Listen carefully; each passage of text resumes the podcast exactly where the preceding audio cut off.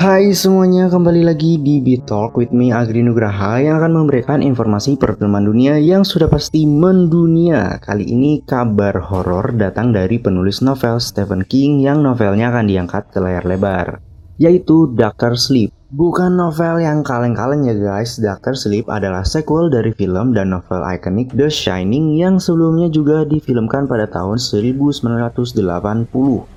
Film bergenre horor ini akan diperankan oleh beberapa artis terkemuka Hollywood seperti Ewan McGregor sebagai Danny Torrance yang merupakan seorang pengemudi cilik sepeda roda 3 Jack Torrance di film The Shining.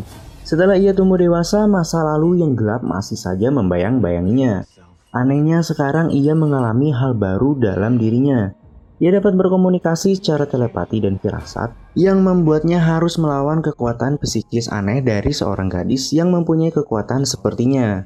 Yang lebih luar biasanya lagi ya guys, sekarang dia juga dapat menjelajah waktu, melihat masa lalu dan masa depan. Pertemuan yang terbilang terduga ini malah menghadapkan mereka kepada sebuah sekte aneh. Sekte ini mencari orang-orang dengan kemampuan seperti Danny. Sebagai informasi tambahan ya guys, novel Doctor Sleep merupakan salah satu novel terlaris pada tahun 2013, bertepatan pada tahun penerbitannya. Jika kita kembali sedikit ke tahun 1980, pada saat itu film The Shining dianggap sebagai film horor ideal karena memberikan alur cerita dan artistik yang mampu membuat jantung berdegup kencang. Nah guys, salah satu adegan yang sampai saat ini mendebarkan adalah ketika Denny menaiki sepeda mininya dan bertemu dengan hantu gadis kembar di lorong hotel. Selain Ewan McGregor, Rebecca Ferguson dan Kyle Curran juga akan ikut membintangi film Doctor Sleep ini. Nah teman-teman gimana? Sudah siap untuk dibawa kembali masuk ke dalam dunia mentalitas Stephen King?